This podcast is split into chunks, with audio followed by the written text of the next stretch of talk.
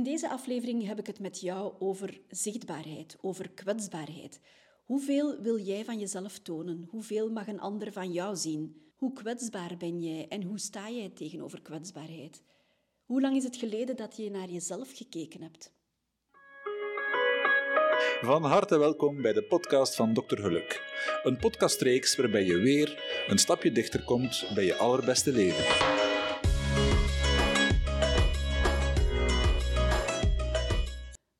Welkom terug. Waar je ook zit, waar je ook ligt en als je onderweg bent, hou het dan veilig. Ik ben Saskia van Varenberg, ik ben arts en ik ben coach. En in deze aflevering heb ik het over zichtbaarheid en kwetsbaarheid. De inspiratie voor deze aflevering die kwam er naar aanleiding van mijn aflevering van vorige week. Ik had het toen over scheiding. Ik heb daar ook over mezelf toen gepraat en over mijn eigen scheiding, over hoe het kan, over hoe het niet zou moeten, welke tips ik meegeef in het belang van de kinderen. En ik heb daar heel veel reactie op gekregen. Nu, dat had ik wel verwacht. Ik had wel verwacht dat er reactie ging komen. Maar wat wij dan verwonderden, was dat die reacties allemaal privé werden gestuurd. Dus die werden niet onder mijn posts gezet, nog op Instagram, nog op Facebook. Dus je kan die eigenlijk niet zien, dus de anderen kunnen die niet zien. Maar ik kreeg die wel in mijn persoonlijke mailbox of ik kreeg die wel via DM's of via Messenger bijvoorbeeld. En dat vond ik heel raar. Dus blijkbaar heb ik met die aflevering heel veel mensen geraakt maar willen ze dat dan toch liever niet met anderen delen? Dus ze willen dat wel met mij delen, maar de anderen mogen niet zien wat ze delen. Dat vond ik eigenlijk een heel raar fenomeen. Een andere aanleiding voor het onderwerp van vandaag was een uitspraak van iemand vorige week. Dus ik hoorde van iemand vertellen van, we zaten samen in de auto en ik stelde voor van, anders moeten we eens naar de podcast van Saskia luisteren, van Dr. Geluk. Waarop de andere antwoordde, nee hoor, absoluut niet. Die kan alleen maar over zichzelf praten.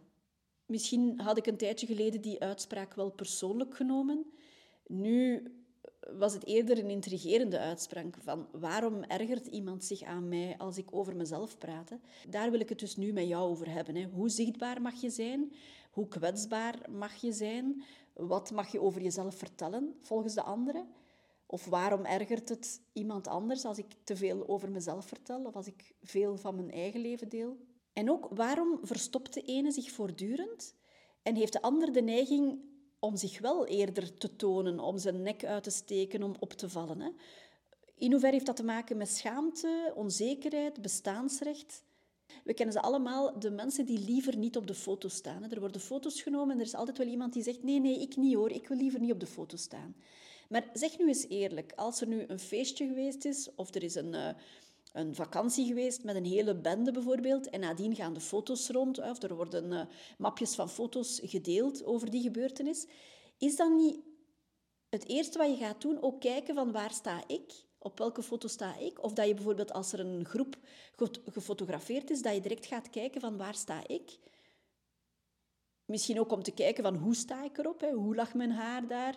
Welk gezicht trek ik daar? Heb ik mijn ogen toe? Ben ik daar aan het lachen? Ook bijvoorbeeld op de schoolfoto van vroeger, als je die kreeg. Op het einde van het schooljaar kreeg je dan een foto mee van de juf of van de meester. En als je die kreeg, dan was toch het eerste waar je naar keek van waar sta ik? Of als je dan thuis kwam, dat was het eerste wat je ouders deden van kijken waar jij stond, hoe jij erop staat. Ik kan mij niet voorstellen dat er iemand is die niet ontgoocheld is als hij zichzelf niet terugvindt op de foto. Als er bijvoorbeeld een groepsfoto genomen wordt en er staat ineens een boom voor jou bijvoorbeeld, of er komt ineens een tak voor jouw gezicht bijvoorbeeld, waardoor dat je niet zichtbaar bent. Of je merkt op dat er foto's genomen zijn op een vakantie waar je zelf bij was, of een feestje waar je bij was, en niemand heeft jou gefotografeerd. Je staat daar gewoon niet op. Dat doet toch iets met jou? Dat je niet gezien wordt. Iedereen wordt toch graag gezien. In eerste instantie al toen we klein waren door onze ouders. Niet gezien worden is alsof je niet bestaat. En je kan wel bescheiden zijn, dat is iets anders. Hè? Er is een verschil tussen op de voorgrond willen staan of er gewoon op staan of gewoon op de foto staan. Hè? Gezien worden of opgehemeld worden, dat zijn twee verschillende dingen. Hè? En ik kan me voorstellen dat iemand liever niet op de foto staat, maar dat dan eerder te maken heeft met kijk allemaal niet zo naar mij, richt die aandacht niet op mij, want daar word ik ongemakkelijk van. Of laat me niet poseren, want ik kan dat niet op, op, op bevel uh, gaan lachen. Die dingen wel, hè, dat het met bescheidenheid te maken heeft, of met verlegenheid, of met schaamte bijvoorbeeld, dat allemaal wel. Maar iedereen wil in C toch gezien worden. Dus die persoon zei van, nee hoor, die praat te veel over zichzelf. Ik kan daar niet naar luisteren, zet dat onmiddellijk af. En dan vraag ik mij af van, wat zegt dat over die persoon? Hè? Want uiteindelijk, dat is waar, ik deel informatie over mijn eigen leven en ik deel mijn ervaring en ik deel de ommekeer in mijn leven of de switch in mijn carrière of hoe mijn relaties vroeger waren, hoe ik nu in het leven sta, hoe mijn relatie nu is, hoe dat is met mijn nieuw samengesteld gezin, hoe de relatie met mijn dochter veranderd is en zo. Dus ja, ik deel natuurlijk veel over mezelf, maar niet met de bedoeling om over mezelf te gaan praten. Ik heb vrienden, ik heb familie, ik heb mensen die dicht bij mij staan, die mijn klankbord zijn. Dus het is niet zozeer de noodzaak om over mezelf te gaan vertellen, maar wel over wat dat kan betekenen voor jou. Als je mij hoort, kan dat misschien wel jou ergens inspireren om het in jouw leven anders te doen of om een aantal dingen te proberen die ik gedaan heb bijvoorbeeld, of om mee te profiteren van de foute ervaringen of de foute lessen die ik meegemaakt heb. Ik was vroeger altijd aan het lezen. Hè. Heel mijn kindertijd, heel mijn jeugd, heel mijn jonge volwassen leven. Ik, was, ik zat altijd in de boeken. Hè. Ik kijk ook graag naar films. Ik luister ook heel graag naar diepte-interviews. Ik lees graag biografieën. En waarom is dat? Dat is eigenlijk omdat ik die herkenning zoek. Er is niks zo moeilijk aan het leven als onze emoties proberen te begrijpen. Waarom voel ik mij hoe ik mij voel? Waarom worstel ik met, met deze verwarring? Wat doet dit met mij? Hoe komt dat dat ik mij voel hoe ik mij nu voel?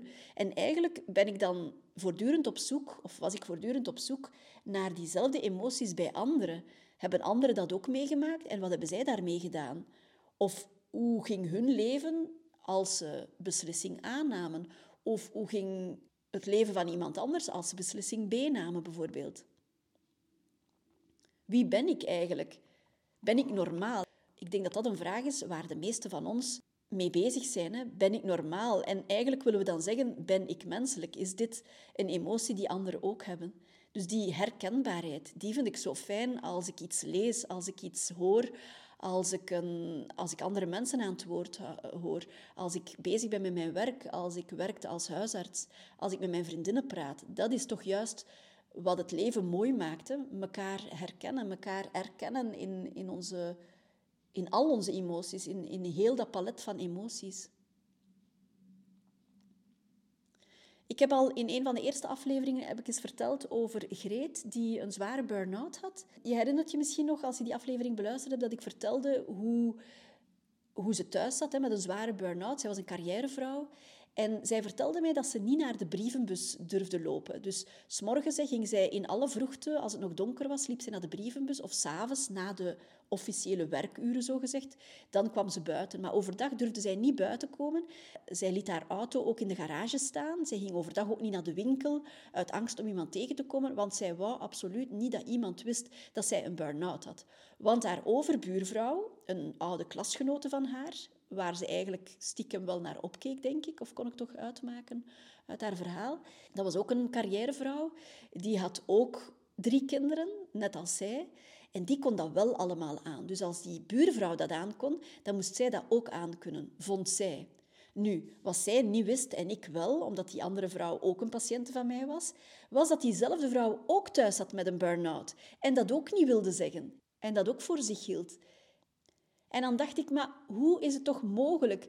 Als je nu eerlijk zou zijn met jezelf, als je nu eerlijk zou zijn met de buitenwereld en je toont je kwetsbaarheid, hoe fantastisch zou dat zijn dat die dames op hun oprit over hun burn-out staan te praten en eh, hetzelfde voelden over hun gebrek aan energie, over hun uh, wanhoop soms, over hun, het gevoel van tekortschieten en zo. Hoe fijn zou dat zijn als die bij elkaar zouden terecht kunnen?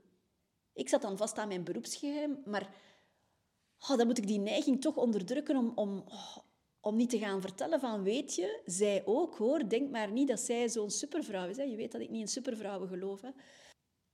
Om maar te zeggen van, de ene toont zich niet kwetsbaar, de andere ook niet. En dus denk je dat die andere beter is of sterker. Dat is helemaal niet zo. Hè. We zijn allemaal in wezen zijn we allemaal mensen met onze gebreken en met dingen die niet goed gaan in ons leven en dingen die beter kunnen. Karen was ook een patiënte van mij. En op een gegeven moment vertelt zij, na een heel moeizaam gesprek, er, er, was, er was iets, ik wist dat er iets was. En ja, na, na lang aandringen uh, kwam het eruit dat ze eigenlijk heel ongelukkig was, omdat ze uitgekomen was op het bedrog van haar man. En dus al een paar maanden zaten zij in een crisis, in een relatiecrisis. En ja, een logische vraag van mij was van, wat zegt jouw vriendin daarvan? Ik wist dat ze een beste vriendin had. Waarop zij mij verschrikt aankijkt en zegt, mijn vriendin, mijn vriendin weet dat helemaal niet. Niemand weet dat van ons, niemand. Hè. Bijna, ja, ze was bijna in shock bij de gedachte dat haar vriendinnen dat zouden weten. Wat ik dan op mijn beurt niet kon begrijpen of moeilijk kon begrijpen. Dus ik zei van, wat? Als jij mijn vriendin zou zijn, als, als jij mij jouw beste vriendin zou noemen en achteraf komt uit dat jij zo al die maanden in verdriet zat, in, in wanhoop zat, dat jij je zo slecht voelde en ik mocht daar geen deel van uitmaken. Ik mocht niet weten waarom het zo slecht met jou ging. Ik mocht zelfs niet weten dat het slecht met jou ging. Wie ben ik dan als vriendin van jou?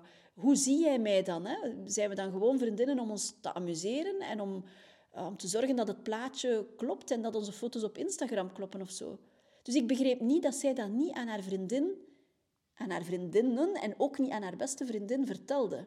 Gewoon al om een klankbord te hebben, gewoon al om gesteund te worden, om te weten van, ik zie jou graag, ook al heb je die relatiecrisis met jouw man, ik ben er voor jou. Als je wilt praten, bel mij. We gaan samen een kop koffie drinken, maar bel mij toch als er iets is. Maar die vrienden wisten daar dus helemaal niks van. Nu, ik had haar aangeraden om dat wel te zeggen. Hè. Door het om te keren en door te zeggen hoe ik mij zou voelen in die plaats van die vrienden. En dat ik het als een eer zou beschouwen als mijn vrienden mij in vertrouwen namen. Hè. En, en het omgekeerde, als ze mij niet in vertrouwen namen, ja, dat die vriendschap dan voor mij minder waard zou zijn. Um, dat zij geen schaamte hoefde te voelen en dat zij niet moest eh, ermee inzitten om, om kwetsbaar te zijn. Dat ze voor die kwetsbaarheid alleen maar heel veel zou terugkrijgen, hè, qua steun en qua begrip. Achteraf heeft ze dat dan toch verteld en gaf ze mij gelijk en zei ze dat dat heel veel deugd deed om haar hart te openen voor die vriendin en om eerlijk te kunnen zijn en om een keer alles te kunnen vertellen, hè, want die vriendin kende dan ook haar man. Maar dat is iets wat ik eigenlijk ja, moeilijk begrijp, hè, waar ik het veel makkelijker mee heb om over mijzelf te praten, omdat ik weet dat je dan ook dat begrip krijgt van die ander en dat je ook dat je ook raad krijgt van die ander en dat die ander het met andere ogen bekijkt, waardoor die jou kan geruststellen of jou een andere optie kan aanbieden of, of jou naar een andere optie kan laten kijken of ja, er gewoon kan zijn voor jou. Ooit, ja, ik weet niet, het kan zijn dat het in de joepie was of zo, hè, maar ooit las ik eens je hebt pas echt goede vriendinnen als je samen kan roddelen. Hè. Roddelen is een teken van vertrouwen. Als meisjes onder elkaar of vrouwen onder elkaar roddelen, dat is teken dat je elkaar vertrouwt. En oké, ik las dat en, en ik weet dat ik dat soms dacht, hè, eh, dat ik dat soms dan dacht als het ging over iemand anders die er niet bij was, van ah ja, dat is teken dat wij goed overeenkomen, want wij hebben het nu over iemand anders. En ze zeggen, de joepie zegt, als wij roddelen over iemand, dan zijn we uh, goede vriendinnen dikke bullshit, hè, dikke kwatsch. Mijn dochter is nu 14 en deze week zegt hij: Mama, ja, er is nu een nieuwe vriendin in ons groepje. Maar ik vind dat eigenlijk niet zo leuk, want die zit altijd maar bezig over meisjes die er niet bij zijn. En ik vind dat echt niet leuk, want ik heb geen zin om over andere mensen te praten als die er niet bij zijn. En ja, mijn dochter heeft een heel hoog rechtvaardigheidsgevoel. Die is hoogsensitief, maar ook strong-willed. Dus die, haar innerlijke kompas is heel, heel sterk. En die heeft dat ook deze week gezegd tegen dat meisje. Hè, van kijk, ik vind het niet zo fijn dat je over die andere meisjes praat. Ik zou dat liever niet hebben. Ik vind dat niet zo leuk. En ik zei, wat zei dat meisje dan? Ah ja, ja, ja die kon dat wel begrijpen. En ik dacht, wauw. Ik denk niet dat ik dat al durfde doen op die leeftijd. Dus ja, ik vind dat wel fijn. Nu, dat roddelen je relatie met je vrienden niet sterker maakt, dat weet ik ondertussen nu. En dat, dat wil ik ook niet meer doen. Ik heb een, een soort leidraad van alles wat we bespreken over iemand anders mag in principe ook opgenomen worden op een dictafoon. Hè. En als dat zal afgespeeld worden, bij wijze van spreken, voor die andere, dan kan ik die andere ook recht in de ogen kijken en zeggen, ja, dat is juist. Ik heb dat gezegd en ik sta daarachter. Hè. Waar ik mij vroeger misschien in bochten zou wringen en ineens ja, het schaamrood op de wangen zou krijgen van, ja, dat is juist, ik heb dat gezegd, maar ik bedoelde dat zo niet. Denk ik nu van, oké, alles wat ik uitkraam, alles wat ik zeg, mag nadien ook naar boven gehaald worden en mogen de anderen mij mee confronteren. Hè? Want ik sta daarachter. Alles wat ik zeg, daar, ja, daar wil ik achter staan. En ik nodig jou uit om hetzelfde te doen, want dat maakt het zoveel makkelijker. Als ik jonge meisjes bezig hoor, dan denk ik, hoe complex is het soms? Hè? Van, ik ga dat niet zeggen tegen die en ik ga dat wel zeggen en ik ga het anders zeggen en ik ga een uitvlucht zoeken. En dan denk ik, doe dat niet, doe dat niet. Wees gewoon eerlijk. Hè? Die zijn natuurlijk nog jong en die zijn zo bang voor oordeel en voor afwijzing. En zo was ik ook natuurlijk vroeger. Maar alles wat je zegt over iemand anders, als dat kan opgenomen worden, als dat nadien kan afgespeeld worden in het bijzijn van die andere persoon en je kan die ander recht in de ogen kijken, je staat daarachter, dan denk ik dat je niks verkeerd doet met over iemand anders te praten. En het beste is natuurlijk om die persoon dat ook recht in het gezicht te zeggen, hè, als je een mening hebt over iemand of zo. Dus oké, roddelen doen we niet meer aan mee, maar wat dan wel heel verrijkend is en wat wel vrouwen dichter bij elkaar brengt en wat wel helpt voor vriendschappen, dat is de vrouwencirkels. Het bij elkaar zijn van vrouwen, de gesprekken van vrouwen, de sisterhood. Het bij elkaar zijn in volle vertrouwen en in volle kwetsbaarheid. En ik zie dat hier ook bij de inspiratiegroepen die ik organiseer. Eén iemand geeft zich bloot, één iemand vertelt iets uit eigen ervaring, of ik vertel iets uit eigen ervaring. En onmiddellijk komt daar reactie op. En mensen zijn heel vaak opgelucht als iemand anders zijn hart blootgeeft, omdat het ten eerste herkenbaar is en omdat het ten tweede uitnodigt om zelf ook je hart open te stellen. Het is niet zelden dat op het einde van zo'n inspiratieavond iemand zegt van amai, ik dacht dat het alleen bij mij zo was. Ik hoor hier nu ook van anderen dat het net hetzelfde is. En dan is daar zoveel opluchting bij en dan denk ik, ja, dat is het. Hè. Dat is het ons openstellen, ons kwetsbaar openstellen, in volle vertrouwen. Niet met de bedoeling dat iemand anders daarmee aan de haal gaat en dat dat op de straatstenen gegooid wordt, hè, de, wat, je, wat je zo net verteld hebt. Maar dat dat in volle vertrouwen gedeeld wordt en dat dat bij ons blijft. Maar dat we wel elkaar kunnen geholpen hebben met raad, met begrip, met steun en met erkenning. Ja, ik blijf erbij. Erkenning en herkenning is zo belangrijk. Ook in je relatie, als je je kwetsbaar opstelt, ja, dan nodig je de ander ook uit om je te laten helpen, om je te laten steunen. Hè? Als jij tegen je partner zegt dat alles altijd goed is, ja, hoe zou die partner dan weten dat jij verdrietig bent om iets of dat jij een knuffel nodig hebt als je er niet durft naar te vragen? Ik heb zo'n aantal dingen die in mijn leven veel verschil gemaakt hebben. En ja, je weet al, eerlijkheid is er daar één van, maar kwetsbaarheid is daar ook iets van. Hè. Er is ook nog dankbaarheid en, en, en, vertrouwen en overgave. Loslaten is daar ook bij. Maar kwetsbaarheid is daar ook een heel, heel belangrijk iets bij. Het moment dat ik mij kwetsbaar durfde opstellen naar anderen toe, ja, dan ging er ook een wereld voor mij openen. En dat ging geleidelijk aan. Ik denk dat er ook vertrouwen moest zijn eerst. Eh, loslaten ook. Uh, maar vooral ook eerlijkheid. Ik denk dat alles begint met eerlijkheid. En ja, eerlijkheid is, is, is gelinkt aan kwetsbaarheid. Als je eerlijk bent, ja, dan moet je natuurlijk soms ook zeggen dat het niet zo goed gaat met jou, dat het niet zo fantastisch is, dat je leven niet zo fantastisch is, dat je niet zo fantastisch of niet zo sterk voelt.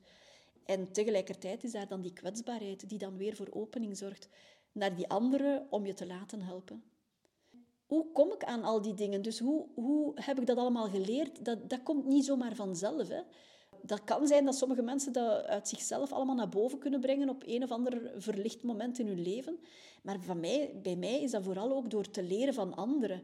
Door boeken te lezen, door biografieën te lezen, door cursussen te volgen, door workshops te volgen, door films te bekijken, door te praten met anderen, door heel veel te praten met andere mensen. Door interviews te lezen, door interviews te horen. Ik herinner mij nog heel goed, ik stond te koken, het was een zondagmorgen. En zoals elke week luisterde ik eh, naar, nu nog trouwens, naar Friede Lesage op, op Radio 1. En waarom luisterde ik daar graag naar? Dat was eigenlijk omdat ik zoekende was. Hè. Ik luister nu ook, maar nu is het niet meer omdat ik zoekende ben. Nu is het eerder van, oké, alles wat ik nu hoor is bonus. Maar toen was het echt wel een zoeken van, geef mij de antwoorden waar ik op zoek naar ben. Ik weet het allemaal niet. Het is niet goed hoe het nu loopt. Ik voel dat het niet stroomt. Geef mij de antwoorden. En, en die zocht ik in boeken, die zocht ik in interviews.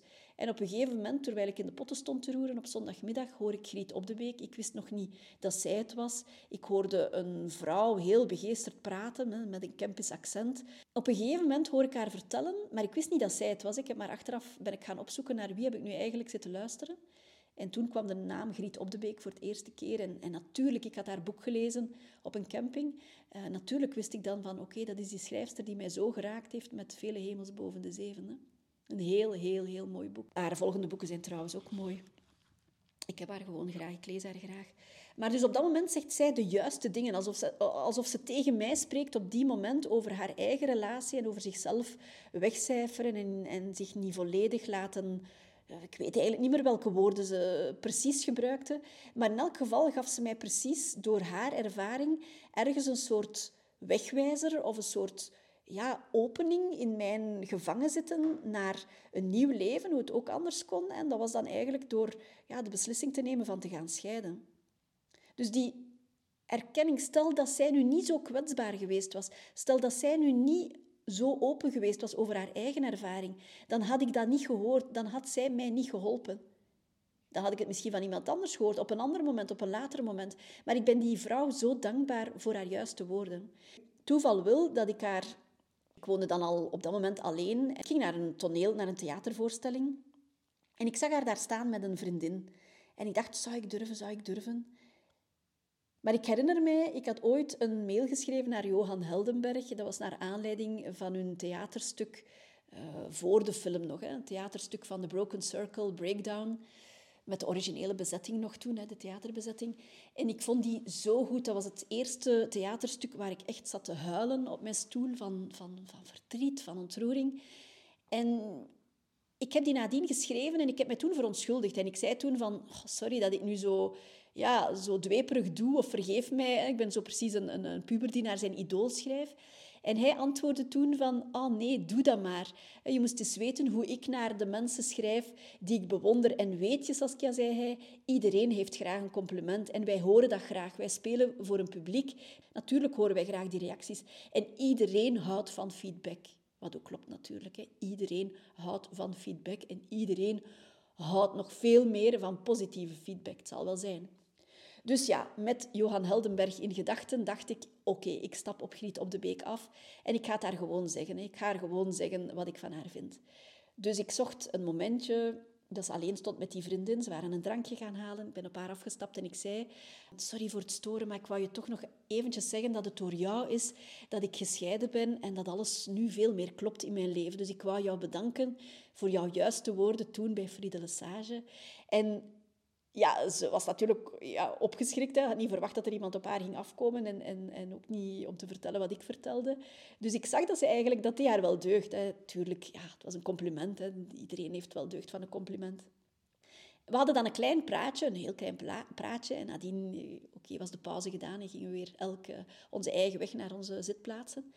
En een paar weken later als ik alleen woonde, ik ben geabonneerd op de Standaard, op de weekendkrant van de Standaard. Maar het weekend dat Johanna niet bij mij was, dan had ik altijd veel meer tijd. En dan kocht ik ook altijd nog eens extra de morgen, de weekendkrant van de morgen. Nu, dat weekend was ik niet alleen. Johanna was bij mij. Ik wist eigenlijk dat ik niet veel tijd had. Dat waren de hobby's van Johanna, het huishouden, het huiswerk. Toch voelde ik, toen ik voor de krantenwinkel stond, dat ik de morgen moest kopen. Om de een of andere reden werd ik in die winkel getrokken, moest ik de morgen kopen. En ik blader die krant door, heel nieuwsgierig van wat heeft nu gemaakt dat ik per se deze krant wil kopen, want ik heb eigenlijk geen tijd om ze dit weekend te lezen. En er was een dubbele pagina in het midden van de krant, van de weekendbijlage, was er een dubbele pagina met een groot interview met Griet op de Beek. Ik dacht, oh ja, tuurlijk, Griet op de Beek, die heb ik graag. Ik ga lezen wat ze nu te vertellen heeft. En ergens halverwege het artikel, ik heb dat dan ergens, ja, ik heb dat bijgehouden, dat zit ergens in een of andere doos hier, ik heb die mee verhuisd las ik ineens van, uh, ja, je hebt nogal bakken kritiek over jou gekregen nu met dat boek. Hè. Dat ging over trauma en is het, is het echt wel waar dat je dat meegemaakt hebt of is dat in jouw fantasie, bla bla bla. Waarop zij antwoordt, ja, dat was echt geen fijne periode voor mij.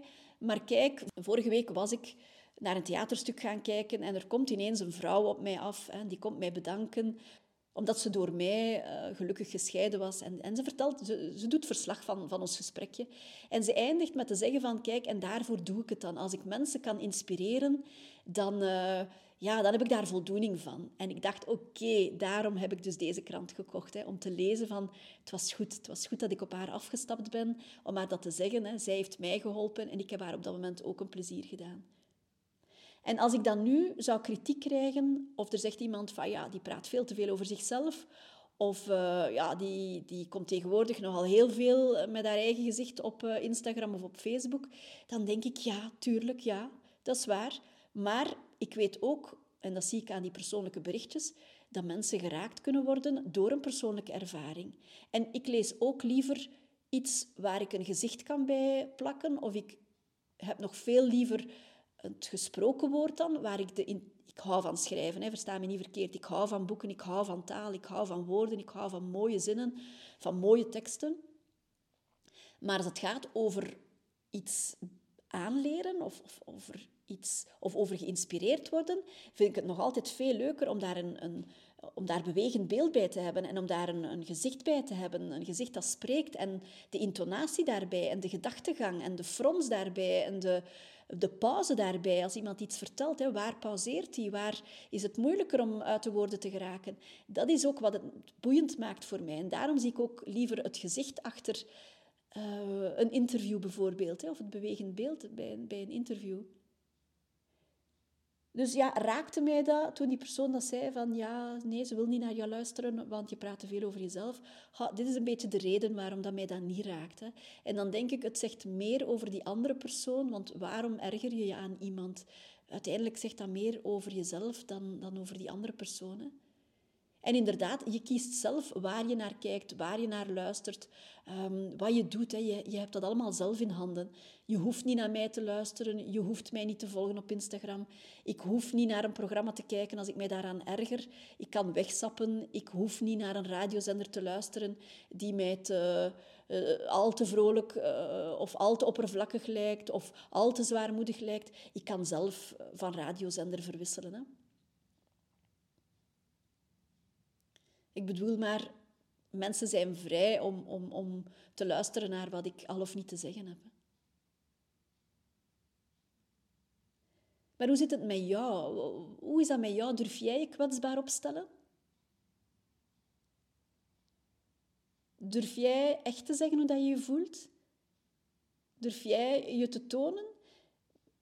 Want ik zou je zeggen van probeer het, durf het. Hè als je vanuit je eigen hart spreekt, dan gaat dat niet verkeerd overkomen. Dan ga je door je kwetsbaarheid een ander zijn hart openen en de ander gaat je niet uitlachen. Integendeel, dat raakt. Hè? Als je vanuit je eerlijkheid praat, in volle vertrouwen, dan, ga je eigenlijk, dan gaat dat niet tegen jou gebruikt worden. Maar je gaat zien dat je daar zoveel van terugkrijgt. De andere mensen ook beginnen te vertellen. Je moet dat maar eens ja, je moet dat maar eens uitproberen. Hè. Eh, probeer dat eens uit bij iemand die dicht bij jou staat. Als je niet gewoon bent om je open te stellen voor iemand anders, neem een klein verhaaltje van een of andere faling of van een of ander verdriet dat je meegemaakt hebt en vertel dat tegen iemand die kort bij jou staat. En je gaat zien dat die ander vol begrip gaat kijken, dat hij jou gaat steunen, dat hij de juiste woorden gaat zeggen of de juiste stiltes gaat gebruiken. En je gaat zien dat dat jou deugd gaat doen. Hè.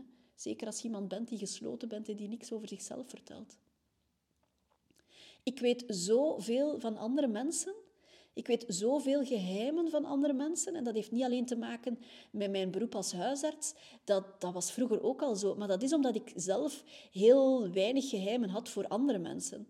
Je weet dat ik ook niet altijd eerlijk geweest ben. Dat is nu anders. Hè. Eerlijkheid draag ik nu hoog in het vaandel, maar het is ooit anders geweest.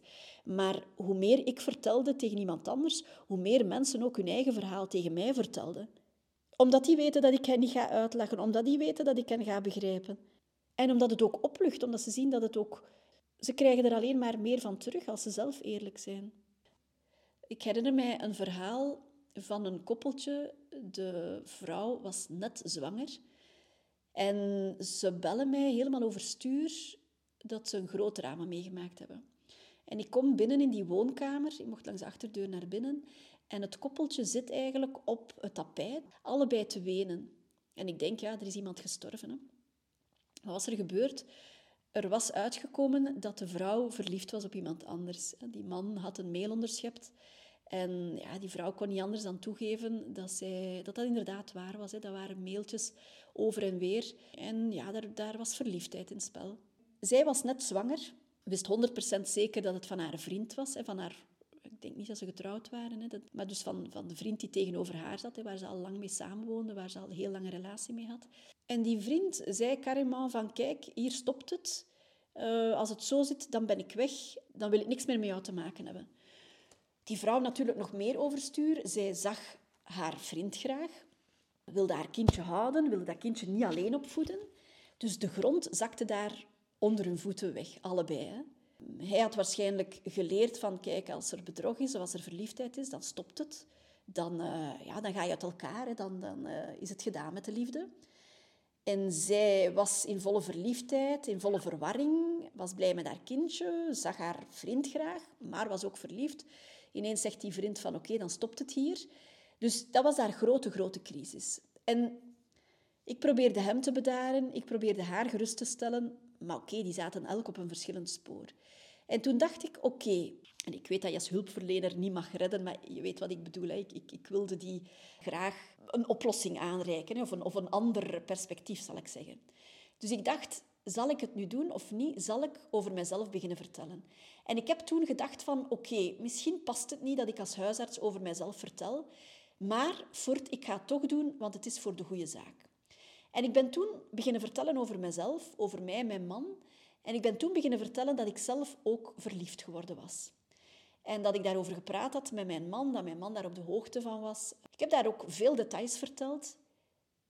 Maar die zijn alle twee gekalmeerd. Die hebben naar mij geluisterd. En ineens zag ik die ogen opklaren bij allebei. En dat was niet zozeer, dat was niet blijdschap, hè, absoluut niet.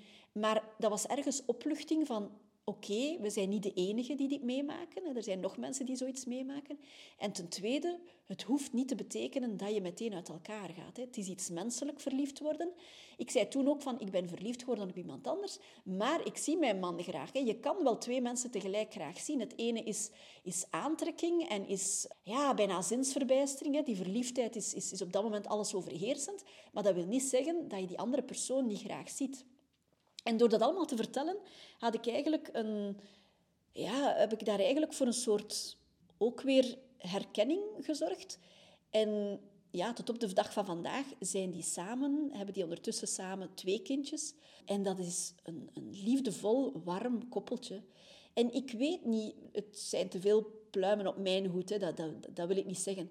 Maar het had anders kunnen lopen, of het had tijdelijk anders kunnen lopen als ik mijzelf misschien niet blootgegeven had en als ik niet over mijzelf verteld had. Ik heb mij daar ook op geen enkel moment over gegeneerd. Ik heb ook niet gedacht van, ai, heb ik nu niet te veel over mijzelf verteld? Past dat nu niet als dokter?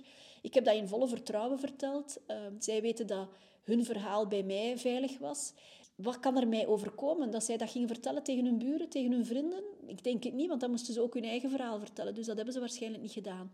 En als ze het verteld hebben, ja, het was ook zo. Het is ook zo gegaan. Dus als ze dat vertellen tegen iemand anders, ik kan alleen maar zeggen, ja, dat is waar, zo is het gegaan. En, en wat is het ergste dat mij kan overkomen?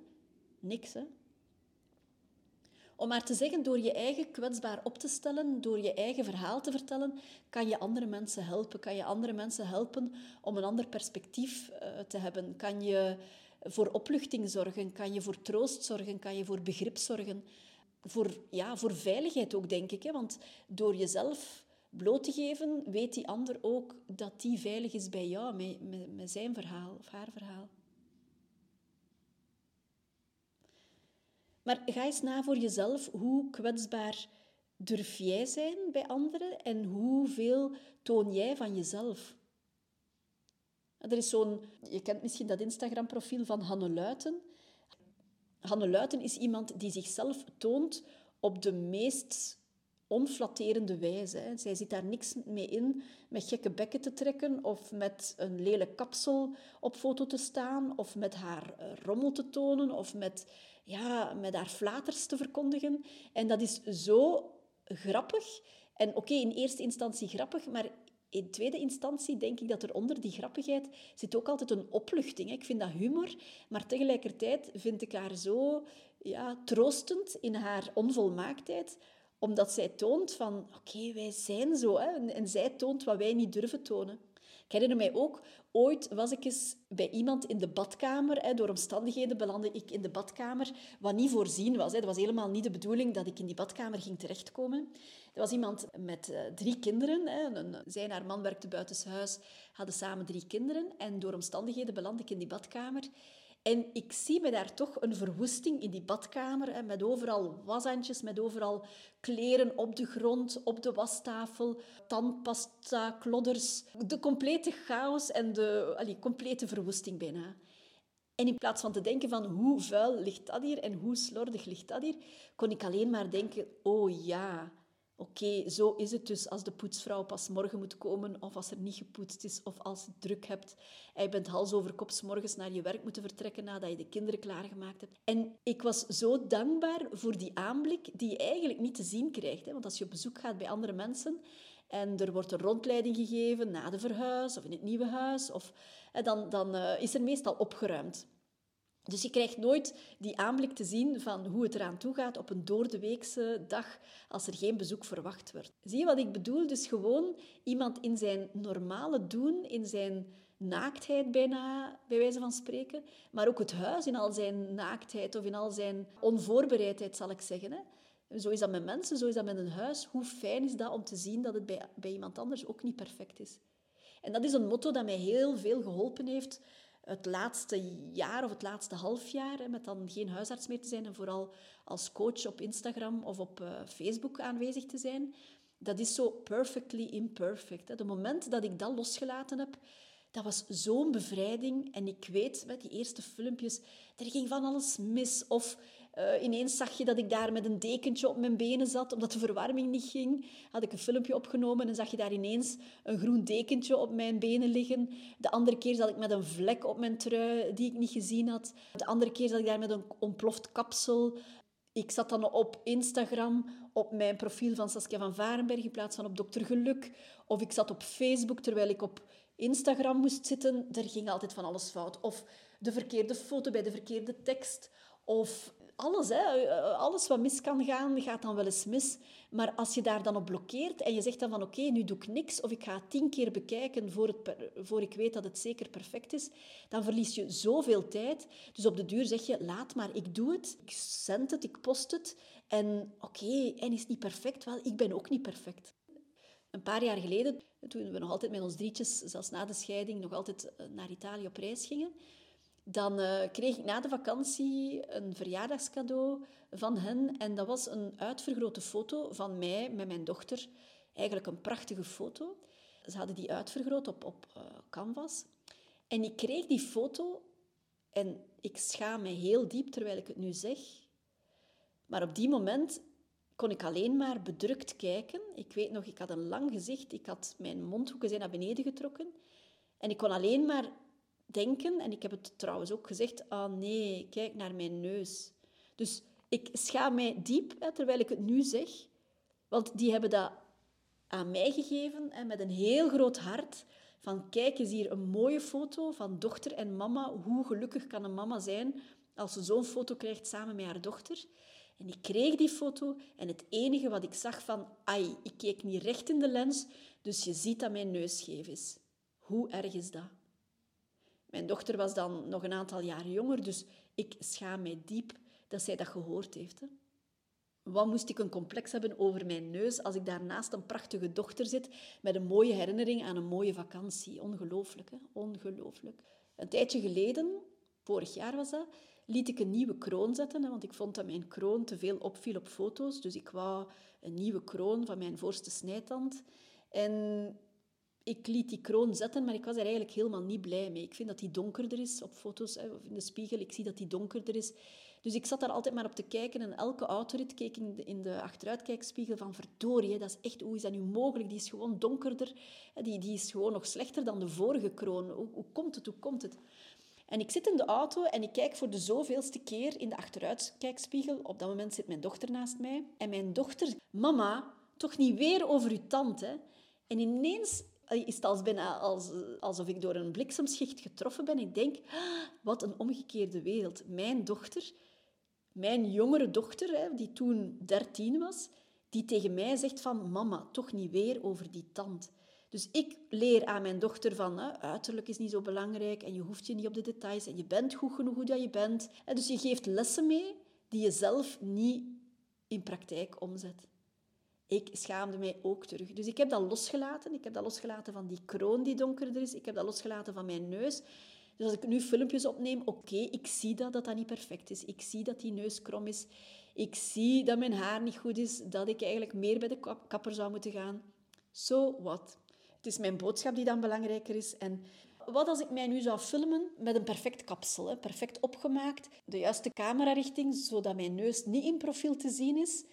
Ben ik dan bezig met mijn boodschap of ben ik dan bezig met hoe ik eruit zie? Iemand die hier dan live komt naar een coaching, één op één, of, of naar zo'n inspiratieavond en die mij dan ziet en die dan zegt van, tja, nu trekt hij haar haar op niks en nu uh, heeft hij ineens, die, die, die ziet er slechter uit dan in het echt, want die, die heeft eigenlijk een kromme neus.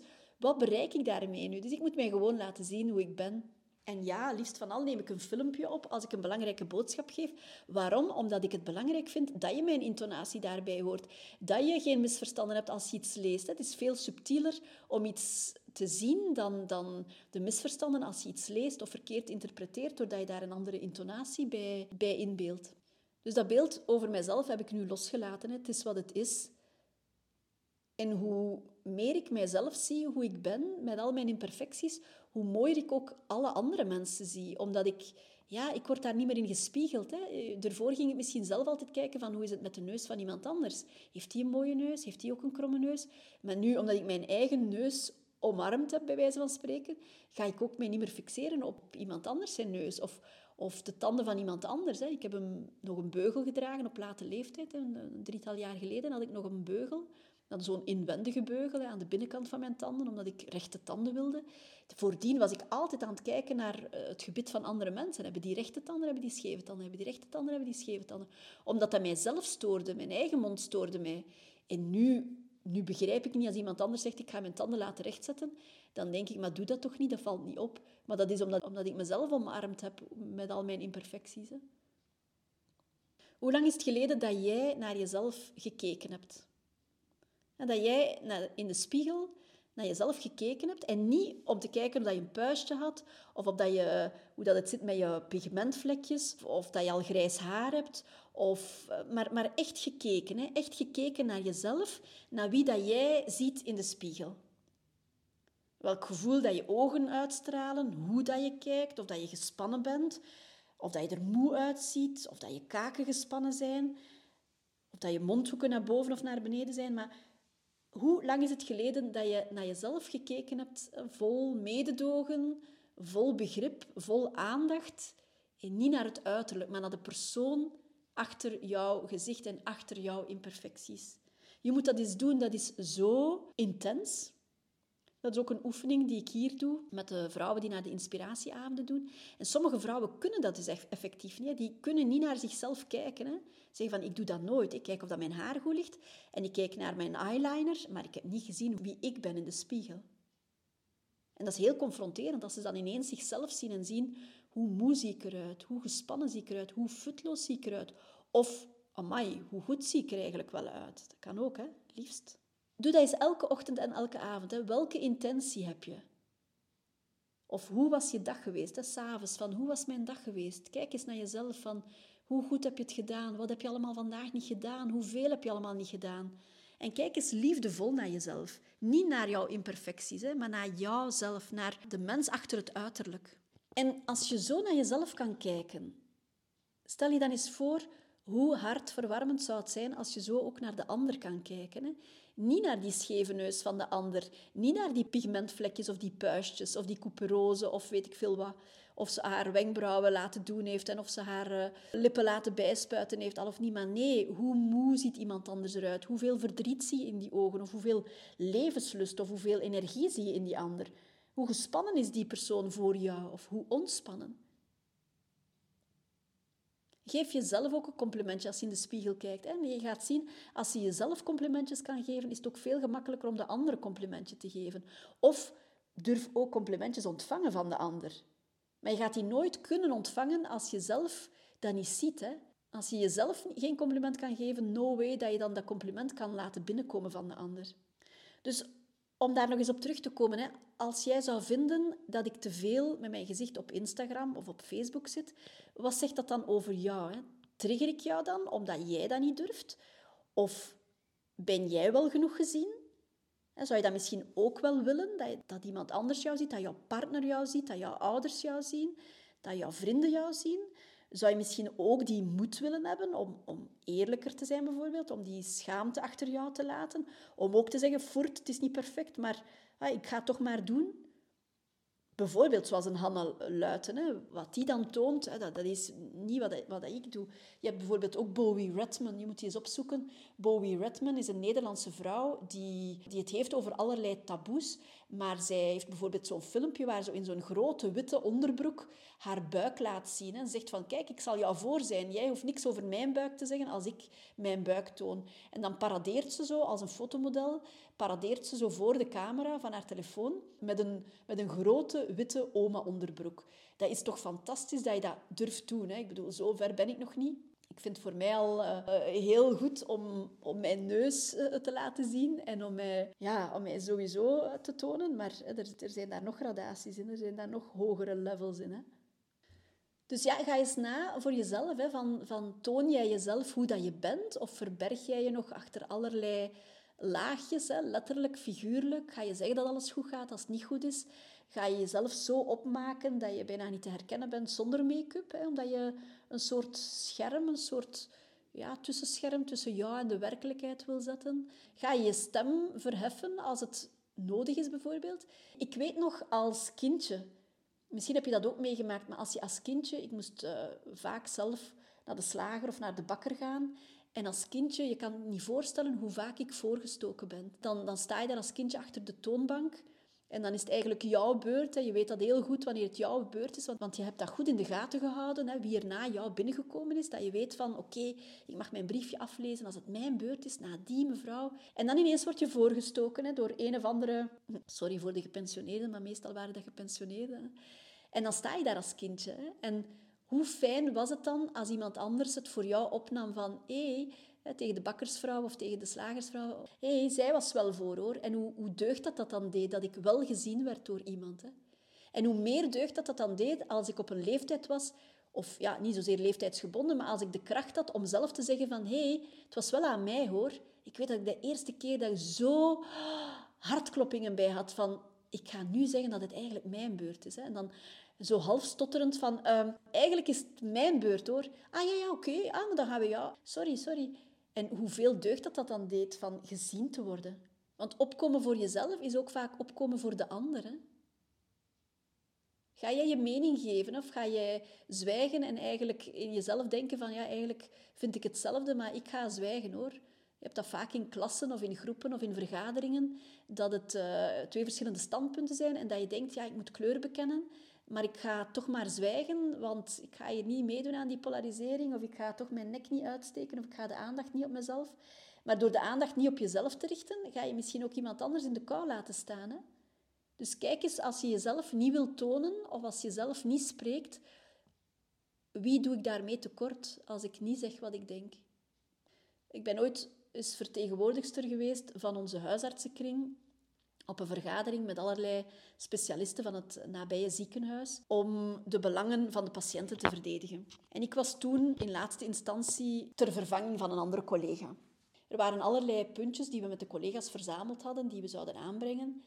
Maar er was ook een punt dat voor mij heel belangrijk was. En dat was, op de spoed was er op een gegeven moment een afspraak van, kijk, als je binnenkomt, mag alleen de patiënt naar binnen. En de begeleider of de begeleidende familie die moet wachten in de wachtzaal. Ik vond dat nu zo'n oneerlijk standpunt. Ik vond dat echt niet kunnen. En ik dacht, ja, ik wil dat eigenlijk ook aankaarten. Die, die tafels stonden zo opgesteld in de, in de vorm van een groot vierkant. Er waren bijna allemaal oudere mannen die daar zaten. Ik was toen nog niet zo heel lang bezig als huisarts. Ik was ook zwanger op dat moment. En ik dacht toen, ja, ga ik het wel zeggen? Of ga ik alleen de puntjes aanhalen die voorgesteld zijn door de collega's? Maar ik dacht, ik moet het doen. Ik, en mijn hart bonsde uit mijn borstkas. Maar echt, ik dacht van, nu ga ik hier flauw vallen. Ik moet hier straks het woord nemen. Al die gezichten gaan naar mij draaien. De voorzitter van de vergadering die gaat zeggen, ja, wie bent u? En wie vertegenwoordigt u? En wat zijn uw puntjes? En ik dacht van, straks, ik besterf het hier. Ik ga hier gewoon ter plekke beginnen hyperventileren. Of, oké, het was mijn beurt. Ik som de puntjes op die we met de collega's besproken hadden. En dan dacht ik, ja, het is nu of nooit, want straks gaat de beurt naar de volgende. En dan heb ik het niet kunnen zeggen. En ik dacht, verdorie Saskia, zet u zelf nu een keer opzij. Hè, met uw stomme hartkloppingen en met uw gedoe over flauwvallen en hyperventileren. Doe het nu voor die andere patiënten hè, die nog op de spoed komen en die daar niet alleen willen zijn. En ik nam het beeld voor mij van een oud, afhankelijk vrouwtje dat binnengebracht wordt door haar familie, hè, dat bijna gaat sterven. En dat eigenlijk ja, uh, ja, binnengebracht wordt misschien voor de laatste dagen van haar leven. En ik dacht, oké, met die voor ogen ga ik het woord nemen. En ik heb daar dan een betoog gehouden van ik vind het toch niet kunnen dat mensen op de spoed binnenkomen. Ze zijn oud, ze zijn afhankelijk, misschien horen ze niet goed, misschien zien ze niet goed. Het is misschien het laatste contact dat ze hebben met iemand van hun nabije familie, met mensen die ze graag zien. Je gaat die binnensturen voor allerlei coole onderzoeken, hè, de radiografie, een elektrocardiogram, een bloedafname, liggen wachten in een kamertje met een gordijntje tot het volgende onderzoek en de volgende specialist die aan bed komt. En Hoeveel deugd zou het niet doen als er dan iemand, één persoon is, een vertrouwenspersoon die naast jou zit, die je hand vasthoudt, die kan luider spreken als je niet gehoord hebt wat de specialist zegt, die jou in de ogen kan kijken als je angstig bent. Dus ja, ik heb dat woord daar genomen en, en uh, ik, ik, deed het niet voor mijzelf, hè, maar ik heb dat gedaan voor andere mensen. Dus ja, je toont jezelf en ja, je steekt je nek uit. Maar dat is dikwijls met de bedoeling om het voor iemand anders te doen. En dat is dan makkelijk, want dat heeft niks te maken met je eigen ego.